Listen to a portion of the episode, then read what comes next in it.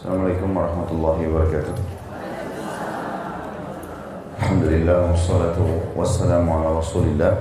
Segala puji bagi Allah Subhanahu wa taala juga salawat dan taslim besar Muhammad sallallahu alaihi wasahbihi wasallam. Melanjutkan bahasan kita kitab Tadhkirah dan kita masuk ke halaman 87 pada pagi ini. Su'ul Khatimah. Semoga Allah menjaga kita dari keburukan ini. Tentu bahasa su' diambil dari kata bahasa Arab yang berarti keburukan atau buruk. Khatimah artinya penutupan. Jadi kalau secara terlihat seperti itu, tapi biasanya dipakai ini untuk buruknya seseorang yang meninggal dalam keadaan bermaksiat kepada Allah Subhanahu wa taala. Baik, digunakan untuk orang yang meninggal dalam keadaan buruk dan keburukan dinilai dari pelanggaran agama. Jadi tidak akan dinilai su'ul khatimah dari buruknya fisik atau buruknya paras wajah atau berubahnya warna kulit, tapi umumnya ya, itu dinilai daripada uh, bagaimana orang itu menutup dirinya dengan kemaksiatan. Baru dianggap dia buruk, su'ul khatimah. Makanya kita temukan dalam buku sejarah banyak sekali sahabat yang meninggal mati syahid dalam kondisi tubuhnya rusak seperti Hamzah radhiyallahu anhu, paman Nabi wasallam di perang Uhud itu ditemukan hidungnya terpotong, dadanya terbelah, semua badannya penuh dengan darah. Kemudian banyak sekali, banyak sekali sahabat, Julaibib dan yang lainnya seperti Ja'far bin Abi Thalib, Zaid bin Haritha, uh, Abdullah bin Rawaha, mereka semua ditemukan di medan perang mati dalam kondisi jasadnya rusak. Tapi itu mati syahid. Jadi tolok ukurnya bukan karena rusaknya fisik. Makanya mungkin ada orang hafid Quran, terjadi kebakaran dia mati terbakar. Baik bukan berarti dia buruk. Atau orang naik pesawat ahli ibadah, kemudian meledak pesawatnya. Atau di kapal laut tenggelam, lalu dimakan ikan misalnya badannya. Atau dia naik bus, tabrakan, jatuh di jurang. Semua ini bukan berarti su'ul khatimah. Tidak dihitung, tidak dihitung su'ul khatimah itu. Tapi su'ul khatimah dan husnul khatimah dilihat daripada perilaku orang itu pada saat menjelang mati. Jadi apa yang dia biasa lakukan, maka dia akan lakukan pada saat menjelang mati. Misal seseorang di antara kita yang paling senang dia lakukan dalam ibadah, misal baca Quran, atau sholat tahajud, atau berdakwah, atau apalah ya. Maka seminggu dua minggu sebelum dia meninggal, dia akan lebih gencar di situ maka tertutuplah hidupnya dengan perbuatan itu. Kalau seseorang terbiasa rusak, bohong, zina, apalah segala macam, maka seminggu dua minggu sebelum dia meninggal akan seperti itu nanti. Dan tertutuplah hidupnya dengan keadaan itu. Ya. Itu yang dimaksud dengan pemahaman ini. Jadi bukan murni dari fisik, walaupun memang kadang-kadang Allah perlihatkan dalam keadaan fisik, kadang-kadang.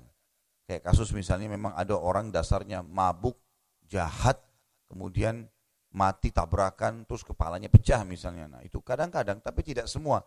Karena banyak orang yang tiap hari bermaksiat di negara-negara non-muslim sana, meninggal kulitnya mulus. Banyak artis mati, kalau dilihat pakaiin jas, dipakein baju, segala macam, pakai peti, bagus, bersih, wangi. Itu bukan berarti dia husnul khatimah. Ya, tetap saja dia buruk dianggap su'ul khatimah karena perbuatan dia. Saya akan bacakan Imam Qurtubi rahimahullah berkata, su'ul khatimah, berikut ini disajikan hadis-hadis dan berita-berita tentang akhir hidup yang buruk atau su'ul khatimah dan bahwa segala amal manusia ditentukan baik buruknya oleh penutupannya di akhir hayat. Menurut riwayat Imam Muslim dari Abu Hurairah radhiyallahu anhu, Rasulullah sallallahu alaihi wasallam bersabda, Inna rajula la ya'malu zamana zamana tawila bi'amali ahli jannati thumma yukhtamu lahu 'amaluhu bi'amali ahli nar wa inna rajula la ya'malu zamana tawila bi'amali ahli nar thumma yukhtamu lahu 'amaluhu bi'amali ahli jannah Sesungguhnya seseorang yang sudah sekian lama melakukan amal-amal ahli surga mungkin saja tiba-tiba mengakhirinya dengan perbuatan ahli neraka Misal dia sholat terus selama 50 tahun, 70 tahun. Akhir hidupnya murtad. Bisa aja. Atau akhir hidupnya dia buat syirik besar sehingga keluar dari Islam. Atau akhir hidupnya ditutup dengan kemunafikan. Memang dia pura-pura Islam, benci akhirnya dan dan banyak sekali hal. Atau dia akhirnya terakhir terakhir menutup dengan keburukan, dia berzina, dia apalah segala macam atau membunuh. Ya. Dan sungguhnya seseorang yang sudah sekian lama melakukan perbuatan ahli neraka, zina, bohong segala macam, tapi tiba-tiba dia mengakhiri dengan amalan ahli surga, bisa saja mungkin dia taubat, 50 tahun dia buat salah, Mungkin mulai umur 51 tahun dia taubat kepada Allah. Bisa saja terjadi.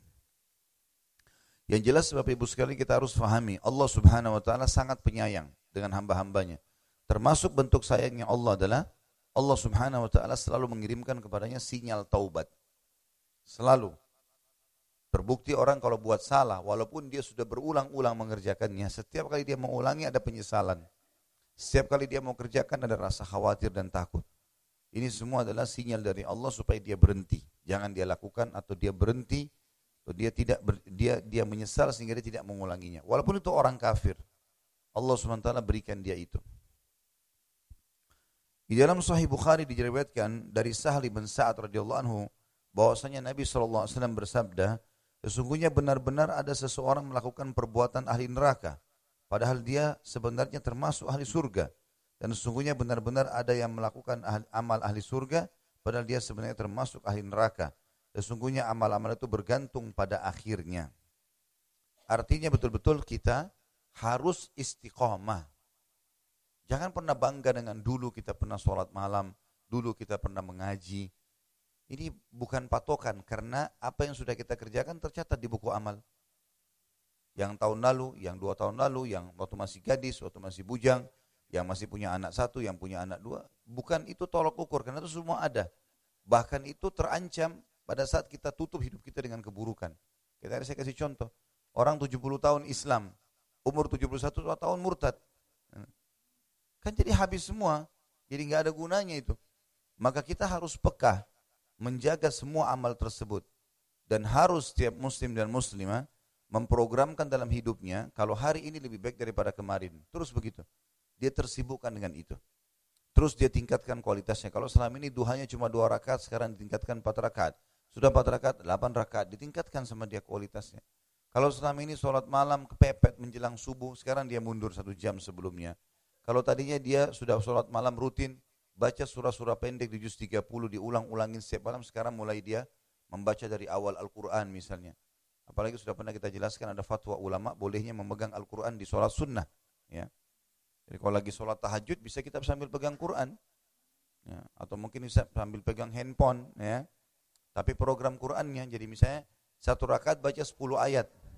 Sebentar. Nggak usah ditanggapi. Ya. Jalankan saja. Jadi kita baca misalnya satu rakaat 10 ayat. Ya. Tentu pegangnya Quran kecil, jangan Quran besar. Kerepotan. Tapi di sholat sunnah ya, cuma sholat sunnah, bukan sholat wajib. Wajib, wajib nggak boleh. Makanya sebagian masjid kita di Indonesia sudah amalkan itu. Di depan mihrabnya imam ditaruh Quran besar. Ya. Sehingga di Ramadan mereka bisa menghatam 30 juz. Karena tidak semua imam hafal Quran. Bacanya bagus tapi tidak hafal Quran. Maka misal kita niatkan setiap satu rakaat 10 ayat, target misalnya. Maka eh, 8 rakaat berarti kita punya 80 ayat satu malam. Kalau kita terus itu bisa khatam kan otomatis. Nah, apalagi kalau, kalau sudah berjalan lagi mungkin dia tingkatkan kualitasnya. Satu rakaat saya baca 20 ayat misalnya. Berarti dia punya 20 kali 8 tahajud kan gitu. 160 ayat misalnya per satu malam. Bisa saja. Bukan mustahil nanti satu malam satu surah. Kalau surah-surah panjang. Mungkin Al-Baqarah 280 sekian ayat. Dihabisin satu malam. Tapi kan itu bertahap ya. Bertahap. Artinya harus ada upaya meningkatkan kualitas, jangan puas dengan itu. Terus saja kita tingkatkan kualitas kita. Kalau kita biasanya menghatam Quran sebulan sekali, nanti mundur. Tiga minggu sekali, dua minggu sekali, mundur. Kalau kita misalnya baca hatam Qurannya setahun sekali, kita mundur. Mungkin delapan bulan, sepuluh bulan sekali. Terus begitu. Jadi kita kualitasnya ditingkatkan terus. Bukan mustahil nanti kita hatam per tiga hari sekali. Memang kalau kita kagetin langsung nggak semudah itu. Ini sahabat, para sahabat Nabi Ridwanullahi alaihim menghatam Al-Quran setiap tiga hari sekali misalnya. Apalagi Uthman bin Affan menghatam 30 juz di rakaat terakhir witir. Ya. Yang biasa Bapak Ibu baca kulallahad itu. Ya. Nah, Itu Uthman bin Affan 30 juz. Ya. Menghatam. Bagaimana caranya ya Allah berkahi? Itu kan tergantung bagaimana Allah memberkahinya. Rutinnya kita mengerjakan satu perbuatan akan memudahkannya. Akan mendatangkan berkahnya Allah di situ. Rutinnya kita mengerjakan satu perbuatan akan mendatangkan berkah dari Allah SWT. Ada orang tidak sulit bagi dia membaca 10 juz per hari. Karena dia sudah rutin selalu kerjakan, maka jadi hal yang ringan. Tapi orang bisa merasa berat dengan zikir pagi sore, gara-gara dia jarang sekali kerjakan, padahal cuma 10 menit, 15 menit selesai. Cuma dia jadi, karena tidak pernah dia kerjakan jarang, jadi berat buat dia. Gitu. Seperti itulah. Maka harusnya kita rutinkan dan harus istiqamah. Allah mengatakan dalam Al-Quran, A'udzubillahi minasyaitonirrajim, wa'bud rabbaka hatta ya'tiyakal yakin. Sembah Tuhan kalian sampai mati datang pada kalian. Nah, istiqomah terus sampai meninggal. Itu dicontohkan oleh Nabi SAW, dicontohkan oleh para sahabat Ridwanullahi alaihim. Mereka sekali dapat kebenaran, mereka jalankan sampai mereka meninggal dunia. Jadi jangan pelin-pelan, jangan sampai kita cuma bertakwa sekian lama, lalu kita kendor lagi sekian lama. Enggak, jangan berikan kesempatan kita lalai. Syaitan nanti akan masuk di celah-celah kita lemah itu. Dan kalau sekali dia masuk musuh, kalau kita lagi pegang pedang, musuh pegang pedang, kemudian ada celah di dada kita atau di perut kita, dia nggak mungkin cuma cuil saja. Dia akan tusuk sampai kita mati kalau perlu gitu kan. Minimal lukanya rusak, ya, berat, sehingga dia susah untuk memperbaikinya. Itu yang dilakukan oleh syaitan. Makanya jangan kasih kesempatan dia. Kita harus sibukkan diri dengan itu. Dan kemarin juga sudah saya ajarkan kaidah hidup, Bapak Ibu sekalian dalam ibadah, sibukkan diri dengan amal sunnah, kita akan sempurnakan amal wajib. Jauhi hal-hal yang makruh, kita akan jauhi yang haram. Itu otomatis ya. Jadi mulai sekarang Bapak Ibu harus programin sibuk amal sunnah apalagi nih, duha, qobliyah, ba'diyah, sholat sunnah udu, sholat taubat, tahiyat masjid. Sibukkan dengan itu. Maka sholat lima waktu jadi mudah. Karena kita sudah kerjain yang yang sunnah-sunnah. Kalau kita wajib aja kita berat, apa Sunnah aja kita tinggalkan, wajib juga bisa terganggu nanti. Sama dengan kalau kita mulai sekarang praktekin. Yang makruh-makruh, makan berdiri, minum berdiri, makan sambil jalan, ngomong di dalam kamar mandi. Ini harus dihilangkan semua, karena ini makruh. Memang nggak dosa, tapi tinggalin. Maka yang haram kita akan jauhi otomatis. Seperti itulah. Itu termasuk kaidah dalam ibadah. Coba sibukkan diri dengan amal sunnah yang wajib jadi terpenuhi. Terbiasanya orang puasa Senin Kamis membiasakan dia jadi muda Ramadan. Ringan Ramadan buat dia. Orang biasa Senin Kamis panjang tahun, biasa aja Ramadan. Tapi kalau orang tidak pernah puasa Senin Kamis, tiba Ramadan, berat. Pekan pertama masih adaptasi kan. Nanti terbiasa juga. Tapi seperti itulah, amal-amal sunnah kalau kita sibukkan diri dengannya, otomatis amal wajibnya terpenuhi. Hal yang makruh kita jauhi, hal yang haram lebih mudah kita tinggalkan. Ya, seperti itulah. Selanjutnya adalah kata beliau namun demikian Abu Muhammad Abu Isha Abu Abu Abul Haq ya maaf Abdul Haq Abu Muhammad Abdul Haq berkata ketahuilah sesungguhnya suul khatimah semoga Allah melindungi kita darinya tak akan terjadi pada orang yang senantiasa istiqomah lahirnya dan selalu baik batinnya. Alhamdulillah. Itulah yang selama ini kita dengar dan ketahui. Tetapi suul khatimah selalu terjadi pada orang yang rusak akalnya atau tidak henti-hentinya melakukan dosa-dosa besar dan tidak segan-segan berbuat keonaran, keonaran-keonaran yang besar. Barangkali karena sudah begitu lekat perbuatan dosa itu sehingga sulit dia tinggalkan dan sampai maut datang menjemputnya, dia juga belum bertaubat. Maka syaitan pun memanfaatkan kesempatan tersebut sebaik-baiknya. Dia serbu orang itu saat menghadapi keadaan yang sangat gawat wa billah wa, wa billah maksudnya semoga Allah lindungi kita. Su'ul uh, thumma iyadu billah. Ini maksudnya dalam bahasa Arab cuma dia tidak terjemahkan. Artinya kita berlindung dari kepada Allah dari itu semua. Atau pada mulanya orang itu begitu teguh, istiqomah, tapi kemudian berubah sikap. Ini saya bilang tadi. Dia istiqomah pada saat lagi kumpul sama teman-teman pengajian. Begitu tidak kumpul, mulai dia kendorin imannya. Jangan. Harus sibukkan diri terus ya. Orang mukmin tidak ada istilah vakum, tidak boleh dia diam. Tidurnya pun diniatin ibadah. Tidur supaya memberikan hak badan dan juga supaya kuat ibadah. Maka jadi ibadah kan. Saya sudah pernah bilang, hal mubah pun bisa berubah menjadi sunnah, tergantung niat. Makan mubah, minum mubah, tidur mubah, mandi mubah. Tapi bisa jadi sunnah. Niatkan semua itu karena ingin merawat tubuh yang Allah amanahkan, lebih kuat dalam ibadah, maka pahala. Jadi kita sudah dapat segar tubuhnya, dapat juga pahalanya. Dikatakan oleh beliau, atau pada mulanya orang itu begitu teguh atau istiqomah tapi kemudian berubah sikap. Dia keluar dari tradisi-tradisinya yang baik dan mengambil jalan lain yang buruk. Perubahan ini menyebabkan su'ul khatimah. Jadi bukan hanya sekedar orang kena terbiasa dengan perbuatan dosa seperti di paragraf sebelumnya, tapi ada juga orang kena su'ul khatimah justru karena dia tinggalkan keistiqomahannya itu. Jadi dia kendorkan dirinya sendiri. Bisikan syaitan selalu standar ya. Sama saja, kita semua sama digoda. Gampang nanti taubat, kan sudah tahu caranya. Gitu kan. Ah ini kan cuma dosa kecil. Sama aja. Ah itu kan cuma puasa sunnah. Sama, semua. Kita semua godanya sama. Baik, kalau sunnah berarti tidak dikerjakan. Lalu untuk apa Allah syariatkan? Kan gitu. Maksudnya kita lawan itu, tidak boleh kita iakan. Perubahan ini menyebabkan su'ul khatimah dan berakhir hidupnya secara tragis. Seperti halnya iblis yang telah beribadah kepada Allah Ta'ala sekian lama. Iblis itu dulunya orang patuh ya. Golongan jin yang beriman. Ya, dia orang beriman kepada Allah SWT. Menurut suatu riwayat selama 80 ribu tahun. Atau seperti Bal'am bin Ba'urah. Yang diberi oleh Allah Ta'ala tanda-tanda kemuliaan tapi kemudian dilepaskan dari itu semua karena lebih cenderung kepada dunia dan memperturutkan hawa nafsunya atau seperti Barshiha ya.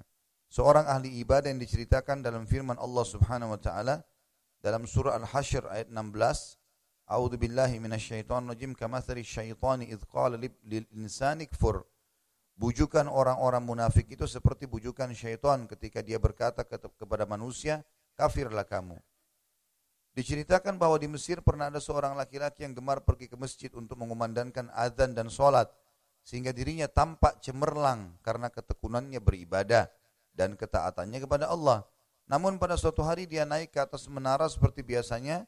Di bawah menara itu ada sebuah rumah milik seorang zimmi. Zimmi maksudnya orang kafir di bawah naungan pemerintahan Islam. Yang beragama Nasrani. Dari atas tampaklah olehnya seorang gadis cantik dalam rumah itu. Rupanya dia tergoda olehnya dan urung melakukan azan. Dia turun dan masuk ke dalam rumah itu dan menghampiri si gadis. Ada apa? Mau apa kamu? Tanya gadis tersebut tertegun. Aku mau kamu, jawab laki-laki itu. Apa maksudmu? Balas si gadis bertambah heran. Dia menjawab, kamu telah menguasai akalku dan mencuri hatiku. Aku tidak mau memenuhi ajakanmu kepada perbuatan yang membuatku bimbang. Tegas gadis tersebut. Tapi laki-laki itu menegaskan pula, aku akan mengawinimu. Kamu orang Islam, sedangkan aku orang Nasrani, ayahku pasti tidak sudi mengawinkanku denganmu, tolak si gadis tadi. Jika aku masuk Nasrani, tawar si pemuda. Kalau begitu aku mau, kata si gadis, menerima ajakan menikah. Akhirnya laki-laki itu menyatakan masuk Nasrani. Selanjutnya dia tinggal bersama keluarga si gadis di rumah itu. Dan pada hari itu juga dia naik ke atas loteng, tiba-tiba jatuh dan mati. Ya, dia mati dalam keadaan murtad dari agamanya dan juga belum sempat mengawini wanita itu. Naudzubillah. Kita berlindung kepada Allah dari kesudahan yang buruk dan su'ul khatimah. Ada riwayat lain mengatakan bahwasanya seorang laki-laki sangat mencintai seorang wanita dengan begitu lekatnya. Tapi yang dicintai itu menolak dan sangat benci kepadanya. Sungguh pun begitu laki-laki itu justru semakin mencintainya. Sampai sakit dan terbaring di tempat tidurnya. Maka disuruhlah seseorang menjadi perantara berbolak-balik antara keduanya. Hingga akhirnya wanita itu berjanji akan menjenguknya. Laki-laki itu sangat gembira mendengar berita terbaru dan merasa diringankan dari penderitaannya selama ini. Namun di tengah jalan, tiba-tiba wanita itu berubah niat. Lalu pulang setelah berkata, demi Allah aku tidak sudi, ter, tidak sudi terjerumus ke dalam tindakan yang menimbulkan kecurigaan dan tidak akan membiarkan diriku menjadi bahan gunjingan orang. Laki-laki malang itu diberitahu kejadian tersebut akibatnya dia pingsan dan sakitnya semakin parah lalu tampaklah padanya tanda-tanda kematian. Perawi berkata, perawi maksudnya yang menukil kisah ini, saya dengar laki-laki itu berkata-kata dalam sakitnya yang sudah parah itu, salam oh pelibur lara, penyejuk jiwa yang nista, yang kurus kering dihimpit duka, didera nestafa, keridoanmu lebih didamba oleh hatiku yang luka daripada rahmat sang pencipta yang maha agung, maha kuasa. Kata perawi, mendengar itu saya ingatkan dia, Hai fulan, takutlah kamu kepada Allah subhanahu wa ta'ala. Tapi dia membantah, telah terlanjur terjadi apa yang terjadi. Saya pun bangkit hendak meninggalkannya. Belum sampai melewati pintu rumahnya, tiba-tiba saya dengar erangan kematian darinya. Naudzubillah. Kita berlindung kepada Allah dari kesudahan yang buruk dan su'ul khatimah. Maksudnya si laki-laki tadi ini, dia mengatakan, saya lebih butuh kepada kau hai wanita daripada rahmatnya Allah. Maka su'ul khatimah. Kalimatnya tidak boleh. Ya, termasuk rahmat Allah dia mendapatkan wanita yang dia dambakan sebenarnya. Tapi syaitan subhanallah menghiasi begitu. Kan banyak di Indonesia ya. Laki-laki murtad karena perempuan, perempuan murtad karena laki-laki. Naudzubillah. Untuk apa ini? Hanya karena lawan jenis. Judulnya sama. Manusia. Judulnya sama. Casingnya berbeda. Kenapa gara-gara casing kita terpengaruh? Oh karena gantengnya, oh karena cantiknya, oh karena kayanya. Casing. Ada sesuatu yang harus membuat kita jadi begitu. Kalau bergabung di dirinya kebaikan semuanya Alhamdulillah. Tapi kalau karena dia beragama Nasrani, beragama Yahudi, atau orang-orang yang tidak beragama malah tidak mengenal Tuhan, lalu meninggalkan agama Islam untuk itu, naudzubillah. Ya. Ini su'ul khatimah semuanya. Imam Bukhari meriwayatkan juga dari Salim, dari Abdullah, ayahnya, radhiyallahu anhu berkata, Ucapan sumpah yang sering diucapkan oleh Nabi sallallahu alaihi wasallam ialah la wa muqallibal qulub. Tidak demi Tuhan yang membolak-balikkan hati, ya. Maksudnya Nabi SAW sering kali kalau bersumpah selain mengatakan demi Allah, beliau juga mengatakan ini. Tidak demi zat yang membolak-balikkan hati. Artinya jangan sampai hatiku engkau bolak-balikkan ya, ya Allah dari keimanan maksudnya. Jadi Nabi SAW menjadikan sumpah supaya hati beliau tidak berubah. Itu Nabi ya, apalagi kita. Ya. Jangan terpengaruh dengan pakaian. Hari ini seseorang bisa berpakaian tertutup, besok bisa membukanya. Maka bagaimana kita membangun kekuatan hati kita untuk istiqomah. Dan orang kalau sudah istiqomah karena Allah, dia tidak peduli dengan perkataan orang. Kamu berubah ya, kamu begini ya, penampilanmu jadi buruk ya. Iya nggak apa-apa, nggak usah, usah terpengaruh dengan itu, nggak ada masalah.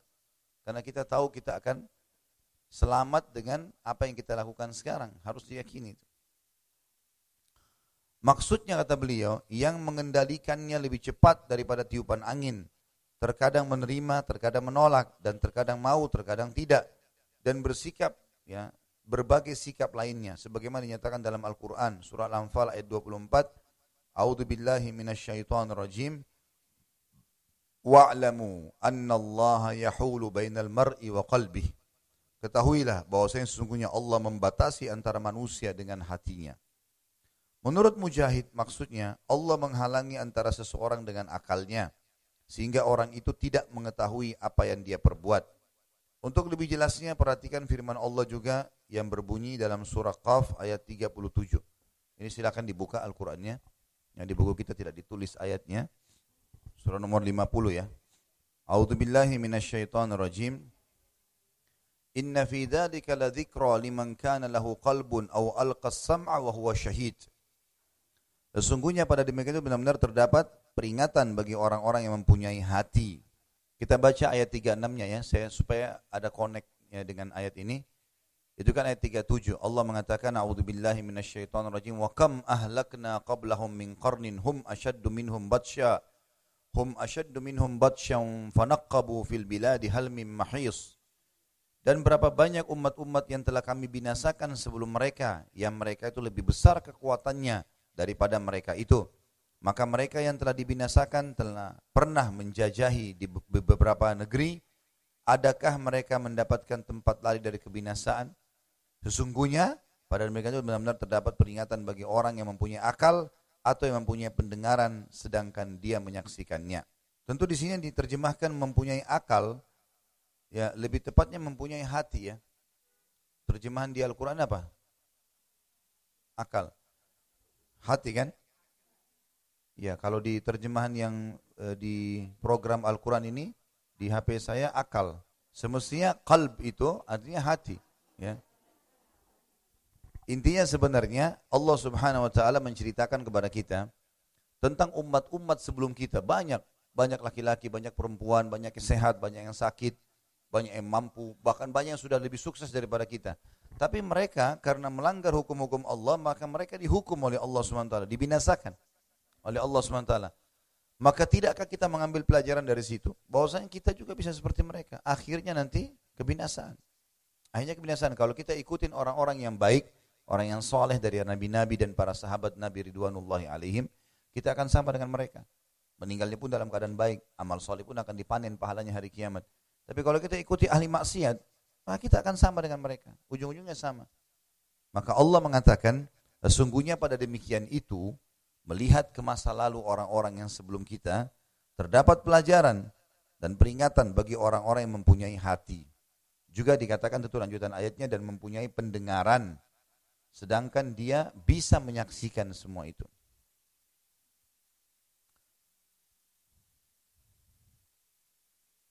Dalam hal ini At-Tabarani lebih cenderung mengatakan bahwa ayat tersebut merupakan pemberitahuan dari Allah bahwasanya dia lebih menguasai hati hamba-hambanya daripada mereka sendiri dan bahwa dia memberi penghalang antara mereka dengan hatinya jika dia menghendaki sehingga manusia tidak bisa berbuat apa-apa kecuali atas kehendak Allah Subhanahu wa taala. Aisyah radhiyallahu anha mengatakan Nabi sallallahu alaihi wasallam sering kali mengucapkan ya muqallibal qulub tsabbit qalbi ala ta'atik. Wahai Tuhan, pembolak-bolak pembolak-balik hati, teguhkanlah hatiku untuk selalu mematuhimu. Ya, jadi kita minta selalu doa ini supaya istiqomahnya selalu ada, tidak pernah kendor. Ya. Maka saya bertanya, wahai Rasulullah, sesungguhnya engkau sering kali mengucapkan doa ini. Apakah engkau merasa khawatir? Apakah engkau juga takut ya Rasulullah sehingga bisa kafir, kah bisa jadi lunak hatinya, bisa memaksiat? Beliau menjawab, apa yang membuatku merasa aman wahai Aisyah? Bukankah hati manusia itu berada di antara dua jari dari jari-jari Tuhan yang Maha Kuasa? Jika dia berkehendak membalikkan hati hambanya, maka benar-benar dia akan balikkan. Ya. Tentu sebagian ulama hadis menanggapi ini ya. Kata para ulama, apabila hidayah Allah itu bisa dipalingkan, istiqomah sesuai dengan yang dikehendakinya, bisa dihentikan, kesudahan hidup manusia itu merupakan sesuatu yang gaib, dan kehendak Allah tidak bisa dikalahkan, maka janganlah kamu membanggakan imanmu, amalmu, sholatmu, puasamu, dan seluruh amal kebaikanmu yang lain. Karena meskipun itu merupakan hasil karyamu, tetapi tetap ciptaan Tuhanmu juga dan menjadi anugerah yang dia karuniakan kepadamu. Maka dari itu kalau kamu membanggakan itu semua, berarti sama halnya orang yang membanggakan harta orang lain. Bisa jadi sewaktu-waktu dia mengambil harta miliknya itu darimu, lalu hatimu menjadi kosong dari segala kebaikan melebihi kosongnya perut onta dari makanan. Artinya orang beriman dia bersangka baik dengan Allah. Kalau dia sudah istiqomah Allah akan tutup dengan husnul khatimah insya Allah. Tapi tetap dia harus berada di poin yakin kalau Allah subhanahu wa ta'ala bisa membalikkan dia setiap saat. Maka dia harus bisa istiqomah dalam arti kata selalu saja berusaha bertaubat, memohon, merengek sama Allah begitulah. Kasus misalnya Nabi Nuh alaihissalam. Nabi Nuh alaihissalam, Nabi Allah, faham tentang hukum Allah SWT. Beliau pada saat anaknya mau meninggal, mau tenggelam, dia panggil kan, anakku naiklah ke kapal. Tidak bisa ini, azabnya Allah. Dia bilang, saya akan lari ke atas gunung menyelamatkan diri. Kata Nabi Nuh, tidak ada lagi yang bisa lolos hari ini. Akan disiksa oleh Allah. Anaknya nggak mau. Anak, seorang ayah, eh, peduli dengan anaknya dan merasa prihatin. Rupanya di depan mata Nabi Nuh alaihissalam ombak naik dengan cepatnya lalu menenggelamkan anaknya. Sebagian ahli tafsir mengatakan jenazah anaknya lewat di dekat kapalnya Nabi Nuh. Nabi Nuh lihat. Maka kata Nabi Nuh, "Ya Allah, anakku." Gitu kan. Ini anakku. Maka Allah membalas mengatakan, "Sudah bukan anakmu lagi hai Nuh. Perbuatannya adalah perbuatan yang kufur." Ya. Dikatakan dalam sebuah riwayat, Ya, dan Allah mengatakan dan aku tidak ingin hai Nuh kau menjadi orang-orang yang bodoh. Dalam Al-Quran surah Nuh Allah jelaskan masalah itu. Maka dikatakan dalam sebuah riwayat Nabi Nuh alaihissalam tidak berani mengangkat kepalanya ke langit 40 tahun setelahnya. Karena takutnya sama Allah.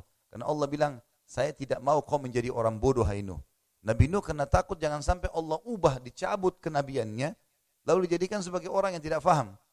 gara-gara memprotes apa yang sudah terjadi. Padahal Allah lebih tahu. Allah itu maha adil. Kalau ada orang ditutup hidupnya dengan keburukan, memang Allah sudah tahu. Walaupun depan mata kita kelihatan baik, Allah tahu di belakangnya kita nggak tahu. Kita nggak tahu. Orang bisa senyum depan mata kita, tapi kita nggak tahu hatinya. Tapi Allah tahu. Maka Allah bisa melakukan hal-hal yang luar biasa, membongkar kedok dia, menutup dengan su'ul khatimah. Kita nggak tahu. Makanya harusnya kita ketergantungan kepada Allah ini besar sekali. Selalu memohon agar ya Allah, ya sampai pernah Nabi SAW naik bersama Muad bin Jabal di dalam satu di atas satu tunggangan. Lalu kata Nabi SAW, Hai Muad, aku mencintaimu. Ini keutamaan sahabat Muad radhiyallahu anhu karena Nabi bilang, aku mencintaimu. Orang lain mengatakan, ya Rasulullah, aku mencintaimu. Ini Nabi yang bilang kepada Muad. Ini sebuah karunia. Oleh karena itu, jangan kau tinggalkan habis sholat, doa. Allahumma a'inni ala zikrika wa syukrika wa husni ibadatik. Apa artinya? Allahumma a'inni. Ya Allah tolong aku. Gitu kan? Selalu bantu aku. Allahumma inni ala zikrika. Supaya selalu lisanku berzikir. Wa syukrika. Selalu bersyukur. Wa husni ibadatik. Dan memperindah, menyempurnakan ibadah kepadamu. Minta tolong kepada Allah. Tidak boleh kita merasa sombong. Oh saya sudah bangun masjid. Saya akan selalu sholat. Belum tentu. Belum tentu. Bisa saja mungkin karena kesombongannya malah Allah alihkan dia. Jadi nggak boleh kita terbawa dengan arus seperti ini. Jangan berbangga-bangga dengan amal. Ada orang baru masuk taklim, oh ini orang baru masuk saya sudah 10 tahun lalu. Mungkin dia lebih baik, Allahu alam. Kita nggak tahu. Kita nggak tahu ini siapa tahu. Ya, jadi jangan sampai kita merasa oh lebih daripada orang lain, belum tentu. Mungkin dia lebih baik, kita nggak tahu. Ya. Maka tidak boleh kita menilai orang secara zahirnya. Itu kuasa Allah Subhanahu wa taala. Lalu kata beliau, ya betapa banyak taman-taman yang kemarin dipenuhi bunga-bunga indah yang mekar esok harinya tiba-tiba layu berguguran saat diterpa angin kencang. Demikian pula manusia yang kemarin hatinya terang bercahaya berkat ketaatannya kepada Allah. Namun esok harinya tiba-tiba gelap dan sakit akibat maksiat kepadanya. Begitulah, apa pun bisa dilakukan oleh Tuhan yang maha perkasa, maha bijaksana, maha pencipta, dan juga maha mengetahui. Ya, kalimat terakhir maha mengetahui perlu digarisbawahi, artinya Allah memang lebih tahu orang ini bagaimana keadaannya. Dia bisa berkedok di depan manusia tapi di belakang nggak bisa. Sekarang dari mana kita bisa tahu Bapak Ibu sekalian di majelis kita ada seseorang bukan muslim datang dia pakai jilbab, dia pakai kopi ya, kita nggak ngerti. Bisa terjadi. Dia berkedok kita nggak tahu atau orang-orang munafik dia pura-pura datang. Dia hanya sekedar untuk liatin orang. Nanti kalau bubar bangga-bangga, saya juga hadir, saya juga hadir, saya juga ini. Bisa saja. Kita nggak tahu kita oh ini orang hebat nih. Bukunya banyak coret-coretnya. Bahwa begitu kita tanya nggak ngerti. Bisa saja terjadi. Saya tidak singgung siapa pun. Ini contoh saja. Karena di majelis Rasulullah SAW ada orang munafik loh. Di zaman Nabi, Abdullah bin Abi Salul hadir loh. Bukan nggak hadir. Hadir di majelisnya Nabi, dengarin ceramah loh. Tapi munafik. Meninggal dalam keadaan kafir. Dia begitu bubar, baru dia bilang, ah itu nggak benar tuh. Begitu loh. Itu ciri-ciri orang munafik. Dijelasin di majelis, dia bisikin orang, ah itu nggak benar, tuh garis keras tuh, itu begini tuh, itu begini. Ya nggak usah hadir kan, nggak usah dengar, cari aja yang garis ringan.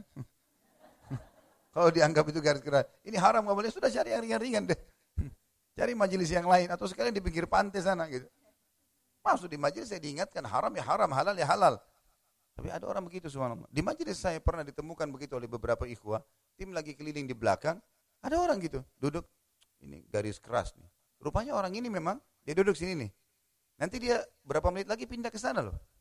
Dia ngomong lagi sama jemaah yang sebelah sana untuk ngacoin majelis. Ya seperti itu subhanallah. Ada orang. Jadi tidak bisa kita nilai orang dari performanya. Tapi kalau penampilan luar biasa. Kalau cuma lihat sepintas, itu luar biasa. Nah, kita tidak tahu. Kita memang sebagai manusia disuruh hakimi secara zahir. Tapi Allah tahu. Makanya jangan heran. Loh kok ini orang kayaknya majelis taklimnya hadir terus setiap Kamis nih. Atau setiap taklim ada terus. Kalau azan ke masjid terus. Tapi kok dia matinya begitu ya? ya. Kedapatan dia lagi di diskotik mati. Tabrakan keluar. Allahu a'lam. Allah lebih tahu.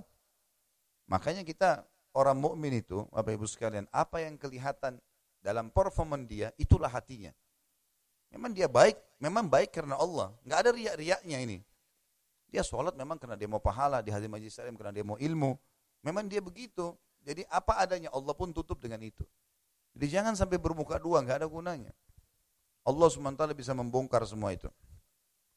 Menurut riwayat An-Nasai dari Uthman radhiyallahu anhu berkata, jauhilah khamar karena khamar itu biang segala kejahatan. Sesungguhnya ada seorang lelaki ahli ibadah di kalangan umat sebelum kalian, dia dicintai oleh seorang wanita pelacur. Wanita itu mengirim pembantunya untuk menyampaikan pesannya kepada laki-laki itu. Sungguh kami mengundangmu untuk menyaksikan pernyataan syahadat kami. Maka laki-laki itu pun berangkat bersama pembantu itu. Setiba di sana, setiap kali dia masuk pintu, pembantu itu menguncinya. Dan akhirnya sampai kepada wanita itu yang ternyata cantik sekali. Di hadapannya ada seorang anak kecil dan segelas khamar. Wanita itu berkata, sebenarnya demi Allah aku tidak mengundangmu untuk bersyahadat, tapi aku ingin kamu menyetubuhiku atau minum khamar ini atau bunuh anak itu. Pilih salah satu perbuatan ini. Laki-laki tersebut biarkan bilang aku minum khamr saja. Ya. Wanita itu memberinya minum segelas, tapi ternyata laki-laki itu berkata tambahlah dan demikianlah laki-laki tersebut meminumnya hingga akhirnya menggauli wanita itu bahkan kemudian membunuh anak kecil tadi. Oleh karena itu, jauhilah khamr karena demi Allah tidak terhimpun antara iman dan kegemaran meminum khamar, melainkan salah satunya akan mengeluarkan yang lain. Baik, saya mau sedikit berbagi Bapak Ibu sekalian. Mungkin Bapak Ibu bilang, khamar, bir, whisky, saya nggak minum. Tapi banyak orang tidak faham, khamar ini semua yang bisa memabukkan atau mengeluarkan orang dari akal normalnya. Itu khamar, makanya masuk dalamnya cairan atau serbuk. Di antaranya ganja, obat-obatan terlarang, semua masuk dalam khamar itu. Jadi tidak selamanya harus cairan. Baik, saya juga jauhi kau Ustaz. Saya enggak minum cairan, saya juga enggak makan serbuk-serbuk itu. Baik, lebih dalam lagi. Makanan dan minuman yang bercampur dengan haram. Tapi kita sudah tahu sebenarnya, coba pernah dengar, tapi tidak apa-apa deh makan. Baik ini makan ada ada alkoholnya loh sekian persen, Ah, tapi kan sudah biasa kita makan tradisi, nggak apa-apa. Kan? Kan banyak ya makanan di Indonesia ya. Ya, kalau nggak salah ada tape, ada apa ya. Orang pikir itu makanan tradisional kita, makan aja deh nggak apa-apa. Padahal sebenarnya mengandung alkohol. Sebentar, sebentar. Saya pernah keluar dari tol Cikampek, waktu itu ada ceramah di ujung sana. Begitu keluar ke arah kiri, mau ke komplek perumahan, saya di sebelah kiri banyak jual makanan tradisional kan. Saya mampir, saya beli beberapa cemilannya. Terus ada tapinya lagi dipasang, baru di, baru selesai, lagi digantung. Saya tanya yang punya, Pak, saya mau tanya Pak, ini beralkohol nggak? Ini kalau saya makan beralkohol nggak? Dia bilang kalau baru dibuat begini Pak, belum. Bahasanya dia, ini belum. Tapi kalau sudah tiga hari, udah mulai. Buktinya ada busa-busanya. Baik, kita biasa beli es campur nggak? Ada pakai itu nggak? Sudah tahu belum itu sudah berapa hari tapenya? Hammer tuh. Benar nggak? Loh, ini realita lapangan.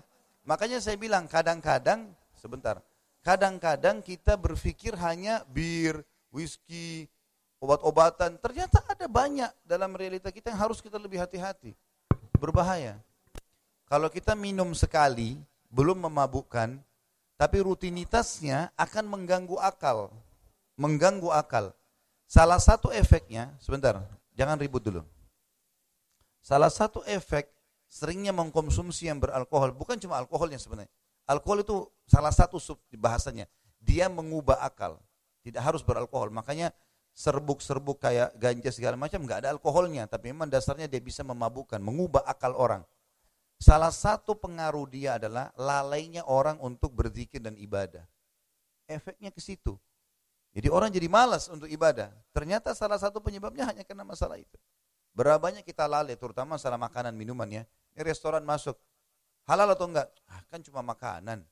Masalah kan cuma makanan, membuka pintu itu. Jadi kita kayak gampangin, nggak apa-apa deh. Padahal mungkin dia pakai ancu. Dalam menggoreng nasi gorengnya misalnya. Arak. Kan arak Cina itu. itu kan anggur merah, seperti anggur merah. Itu khamar itu. Itu memabukkan itu. Enggak boleh, gitu kan? Contoh saja, nah banyak sekali. Berapa banyak orang di antara kita tidak kritis hanya karena mau makan. Pertanyaannya sederhana, kalau saya tidak makan di situ kenapa? Kan nggak apa-apa. Masih banyak makanan lain. Kita kadang-kadang, oh ini karena makanan asing nih, terkenal dari luar negeri. Teman-teman saya sudah coba. Memang kalau nggak makan kenapa? Lebih enak ikan gurami makanan Indonesia halal. Eh? Apalah, kan banyak makanan kita halal. Tapi subhanallah begitu. Nah ini contohnya saja. Mungkin sekali dua kali konsumsi belum berpengaruh ya. Tapi ke depannya pengaruhnya besar itu. Kalau terus rutin dilakukan, pengaruhnya besar. Berapa banyak orang buka puasa dengan itu? Bentar, bentar, jangan ribut dulu. Berapa banyak orang buka puasa dengan itu? Ya. Puasa, ibadah. Buka puasa, nah, pikirin sendiri. Iya. Baik, sekarang kita makan kue-kuean. Ibu-ibu suka belanja kue-kue. Ada roomnya enggak? Sebentar, saya tidak bicara semua kue. Saya bicara ada kue yang ada roomnya kan? Banyak orang pakai jilbab yang beli. Sudah tahu ada roomnya. Kenapa nggak nanya? Khamer loh itu.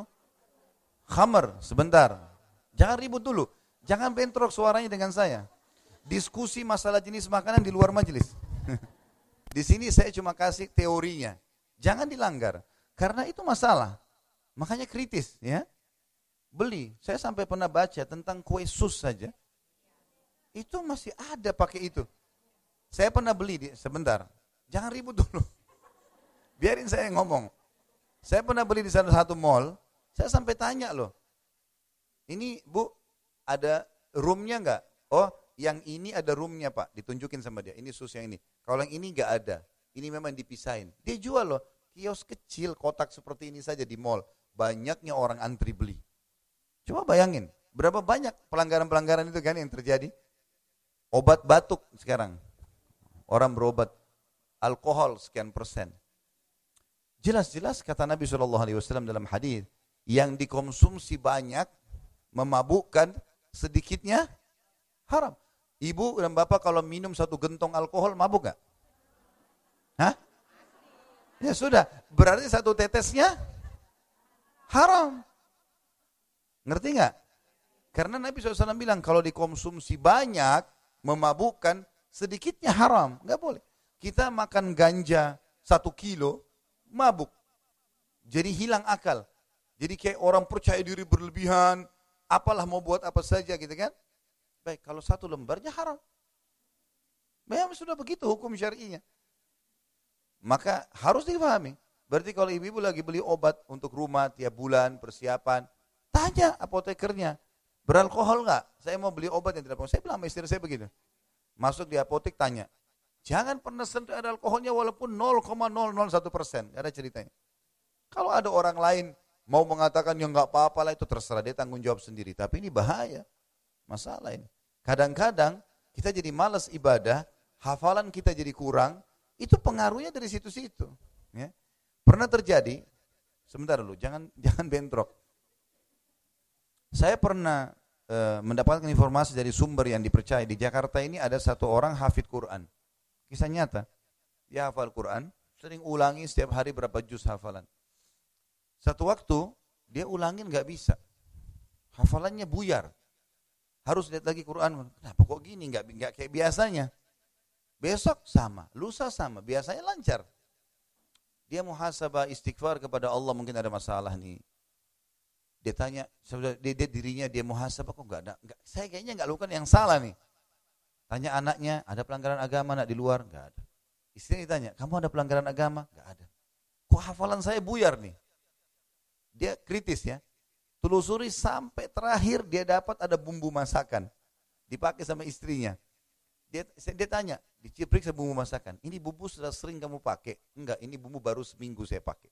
Sebelumnya saya enggak pakai yang ini. Saya pakai yang lain. Tapi memang tidak disebutin nama bumbunya ya. Jadi enggak usah tanya saya. Yang jelas cari yang ada label halalnya. Gitu Jadi dia bilang, Ini baru dipakai. Apa kata suaminya? Coba ini sekarang berhentiin. Kembali ke bumbu masakan kamu yang lama. Begitu saja. Dia bilang, kasih kesaksian, subhanallah, begitu istri saya ubah hafalan saya kembali. Efeknya ada. Ke mana masalah yang haram. Jadi termasuk malasnya ibadah, itu masalah-masalah seperti ini. Kadang-kadang kita tidak berpikir ke sana. Maka ini saya ajak berpikir, dan ini teori syar'inya. Gitu kan? Jangan dianggap remeh, jangan bilang nggak apa-apalah, nggak apa-apalah, cuma sedikit. Ini nggak ada ceritanya. Sama tadi dalam ibadah, gak apa-apa lah sunnah.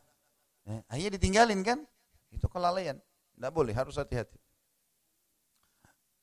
Selanjutnya diriwayatkan pula bahwasanya ada seorang tawanan muslim, dia seorang penghafal Al-Quran. Sebagai tawanan dia ditugasi melayani dua orang pendeta.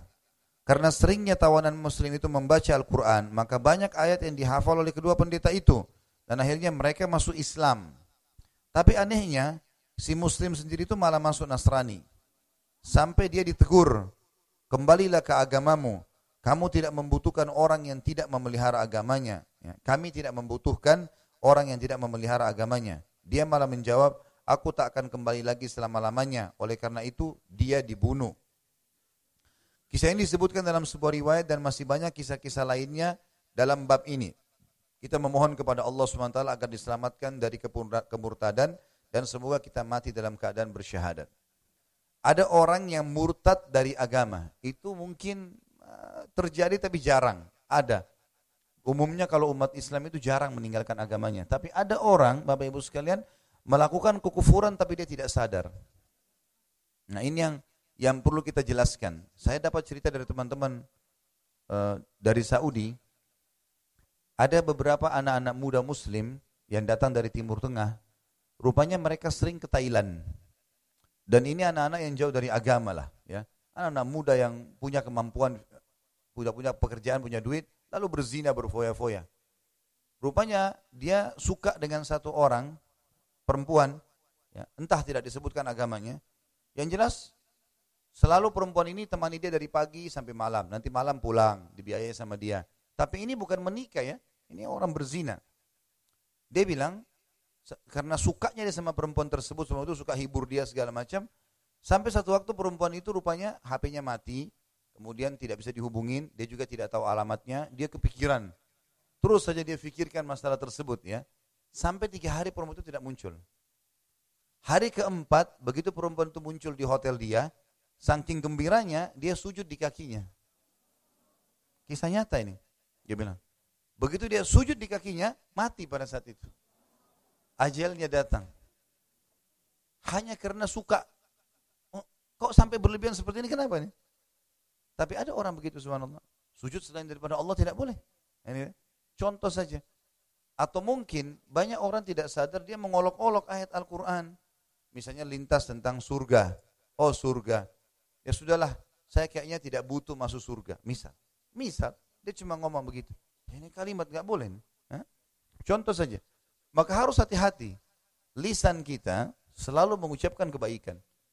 Ya Allah tolong saya dalam uh, ibadahmu. Ya Allah mudahin berkahin saya. Terimalah ya Allah.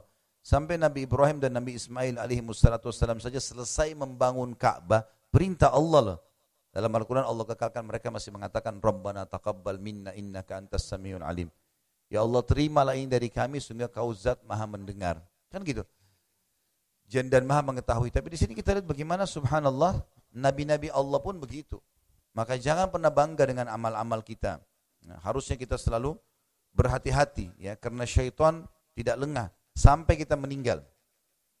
Dan sudah kita bahas di bab sebelumnya jangan lupa tentang orang yang tersibukkan diri dengan dunia dan kesalahan-kesalahan nanti akhirnya dia bisa mengucapkan itu pada saat meninggal ya. Masih ingat cerita yang lalu ya. Ada orang meninggal sambil hitung-hitung keuntungan. Ada orang sambil muji-muji apa gitu ya. Itu karena kebiasaan dia.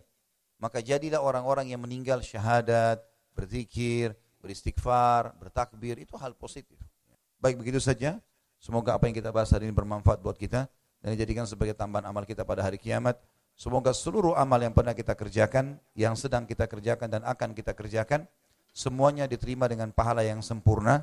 Semoga seluruh dosa yang pernah kita kerjakan sekecil sampai sebesar apa pun, samar ataupun nyata, kecil ataupun besar, sengaja tidak sengaja, semua diganti oleh Allah dengan kemahamurahnya menjadi pahala dan semoga Indonesia menjadi negara yang aman, tentram, damai, seluruh umat Islam di bawah naungan ukhuwah Islamiyah. Dan juga diangkat perselisihan di antara mereka dalam ibadah mereka kembali kepada Al-Qur'an dan Sunnah.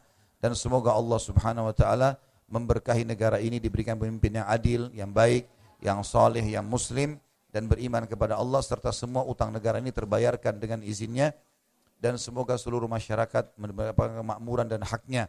Dan semoga Indonesia menjadi contoh bagi negara yang lain. Siapa pun yang menginginkan keburukan bagi negara ini, Islam dan kaum muslimin dikembalikan tipu daya mereka kepada diri mereka sendiri. Dan semoga saudara kita di Palestina, di Syria, di Yaman, di Irak, di Myanmar, di Ahsa, di mana pun mereka sedang tertindas, semoga Allah ikhlaskan niat mereka, terima para syuhada mereka, muliakan Islam di tangan mereka dan tangan kita semua, dan semoga Allah partisipasi kita bersama mereka di pahala baik dengan doa, dengan harta juga dengan jiwa kita, dan semoga Allah dengan kemahamurahnya menyatukan kita semua di surga Firdaus ya tanpa hisab, mana kita disatukan di majlis ilmu mulia ini.